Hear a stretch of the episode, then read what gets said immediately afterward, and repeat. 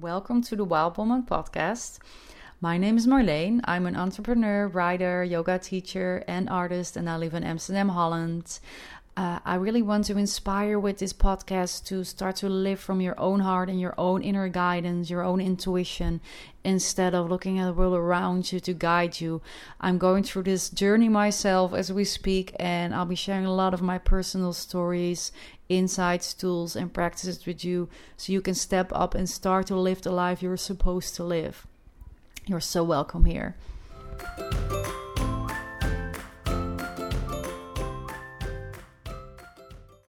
So, I wanted to talk about the process that I use when I get triggered.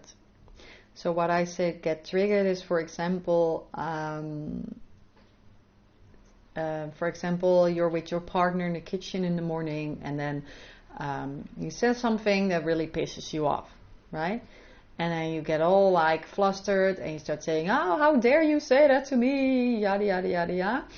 Um, that's a trigger. So usually, um, what happens is if, if react, if we if we react to the world around us and we just keep reacting, that means there's something inside of us that is like responding to that other person, and that is something that we can actually look at in ourselves and move through in a more elegant way. Right? And the more aware you are of your triggers and your emotional uh, meltdowns, I, for example, used to have these like these huge emotional meltdowns and I think probably lots of women can relate to this, like that you have this like total like tantrum, almost like like a child, and especially when I when I was about to get my period, it would be like such a I don't know, mm, like freaking emotional collapse or something. Um, and then I started to become more aware of the triggers that caused that and realizing that I was responsible for my own energy and not the other person. So it's me that is responsible for that emotional meltdown, not my partner, not my boss, not my neighbors, not anybody. It's just, it's me. And I think um, this is very important actually to um, realize that you need to take ownership of your own energy. And um, that was really hard for me, by the way. And still, sometimes, of course, it's hard. Like nobody said it was an easy practice, but it's it makes a huge difference because I believe if you can go through your triggers in a more elegant, aware way, that makes it so much easier for you to be yourself in your life and to stay on track, stay on your own path. Because sometimes, like in the past, for example, I would get so swept away by my own emotions that I just wasn't. I, I, I just got totally sidetracked from my own path, and it would just last for a long time. And then to get back to my own path, it would take forever and sometimes I wouldn't even get there anymore for at least for for months in the past, sometimes even. So that's how uh, how how a trigger can just totally you know pull you out of yourself and out of your out of your own ability to navigate and to feel your own vibes. That's how strong these emotional things can be so how to stay tuned, right? So for me, it's been a practice of one, just okay, noticing the trigger as fast as I can. That's the first step. So sometimes you notice it right away, sometimes you notice the the emotion coming up. Sometimes you um, you know you're in the middle of the storm storm and you see it happening so the more aware you are of your own behavior, the better. And I'm really also realizing that that is not you. Right? It's that trigger. Like if there's something inside of you that is that is reacting, and you want to notice it. You want to be the observer of that, because that's the awareness behind it, or above it, or in it, or whatever you want to call it. And then secondly, you want to fully feel that shit. Like you don't want to push it away. You don't want to hide from it. You don't want to drown it in, you know, alcohol or cigarettes or can't drown anything in cigarettes, but you see my point. You want to fully feel it with acceptance. And this might be one of the trickiest things. Because A, it asks a lot. Because maybe for a long time, you know, you've been somebody who was afraid of strong emotions and strong feelings. And now all of a sudden you just not you should just stop and feel that. So that takes a lot. But that's a practice. So don't you don't have to again be perfect. It's just that that is what's important. Because it's coming up for you to see and to be a loving presence instead of being the one that is totally identified with that thought and that emotion. So usually when you have strong uh, feelings and sensations, there's also strong thought patterns happening, like, oh, I hate you, go away, you know, you don't understand me. In the case of the partner, why are you always treating me this way? Yada, yada, yada. Notice that too. So just really being the observer and noticing it and then feeling it. Disconnecting from it as well. So just notice the sensations uh, apart from the story in your mind. So just notice the story in your mind and notice the sensation. Know that it's not who you really are. And that takes practice.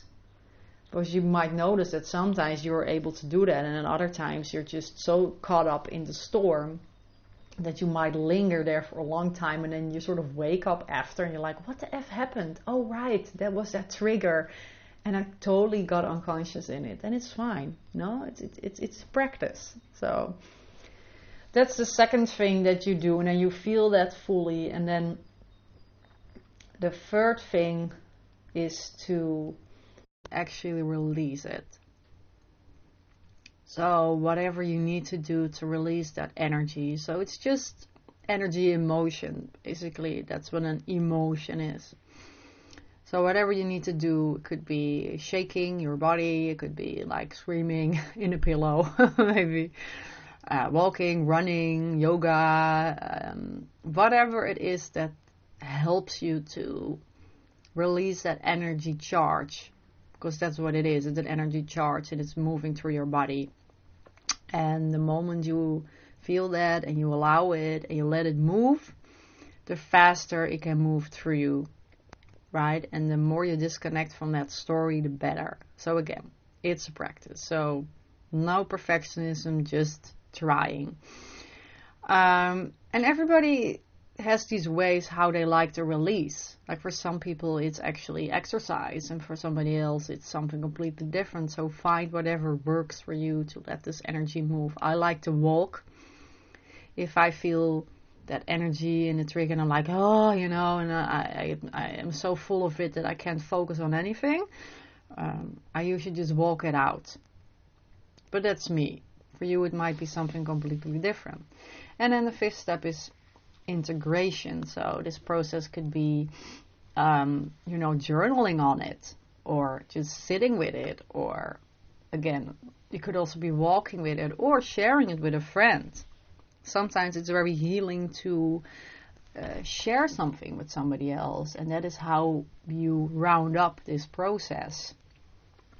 So as you can hear, it's actually a full process. And what this does, it actually, if anything comes up, a trigger, then it usually means that it was already inside of you. Otherwise, it wouldn't be there. There would not come, anger doesn't happen because somebody else is doing something. It happens because it was already inside of you and it just comes out. And it needed to come out also. Realize that as well. Like we live in a culture where we're so used to pushing away um, you know, our feelings and our sensations, especially when they're not joyful. And don't even get me started on joyful because jo- being too joyful is also something that we don't, you know, really, really, really like in our culture. But it's a different topic for a different podcast.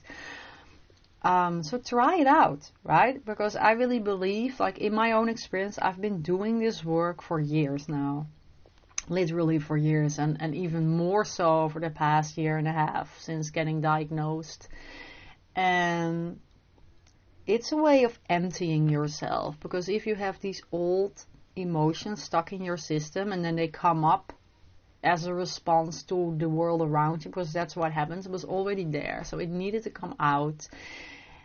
And then having this thankful attitude, thank you God or whatever, uh, that that I can see this now and that I can let this move through me and release it, so I can empty myself a bit more. And the more you empty yourself, the more, and this is the, the cool part about this the more you can be in tune with the universe and with your own energy because that um, mountain of you know stuck energy that you might have or maybe you're actually very empty already i don't know uh, but for me i had a lot of stuck energy in my system and it needed to get out right? And i felt so full like i and then if you're so full and you have so much stuck energy then you you it's very hard to connect to source energy to the to the universe and let that run through you. It's it's really it becomes very difficult. It's like a house that is uh, you know totally uh,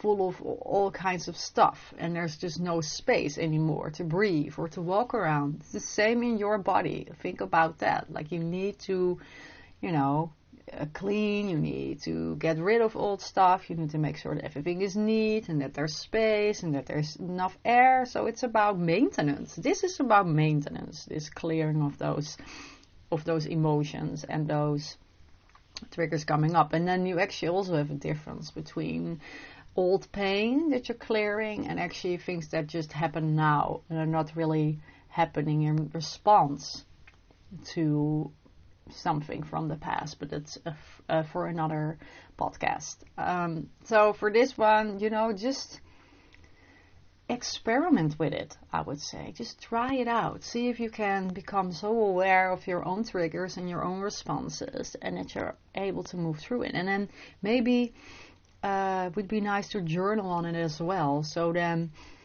uh, see how you respond to uh, in reaction to a certain uh, person or in a certain environment, and then after write down what your reaction was and how long it took you to to to get out of it. And then you get to know yourself really well. You get to know your own responses. And you can even also write down, if you were aware enough, what the thought pattern was that you had in response to that situation or person. The more aware you become, the better it is. Because next time, when it happens again, because many of us need a lot of repeat, repeat, repeat before we, you know, start to release it in certain situations, um, you'll recognize it. And then you might be able to disconnect from that story much earlier and move through that. So Okay. Uh, let me know if you anything that you want to share about this one. Um, I believe this is such an important thing, clearing. And um, if you'd like, you can follow me on thewildwoman.com. Get on my list, uh, and then you also get the girl with the big heart. Uh, if you click on that one, you'll automatically get updates from me, also from the podcast and other content. And I'm creating a workshop, Energy Management for Women, and we'll talk about this process as well and how to do that in your life. And we'll cover uh, some other stuff as well about energy work and how to, yeah, connect to your own energy. And so if you like to have more information about that, it's good to go get on my list and then I'll share about that. And yeah, so I hope you have a great day. Let me know how it goes.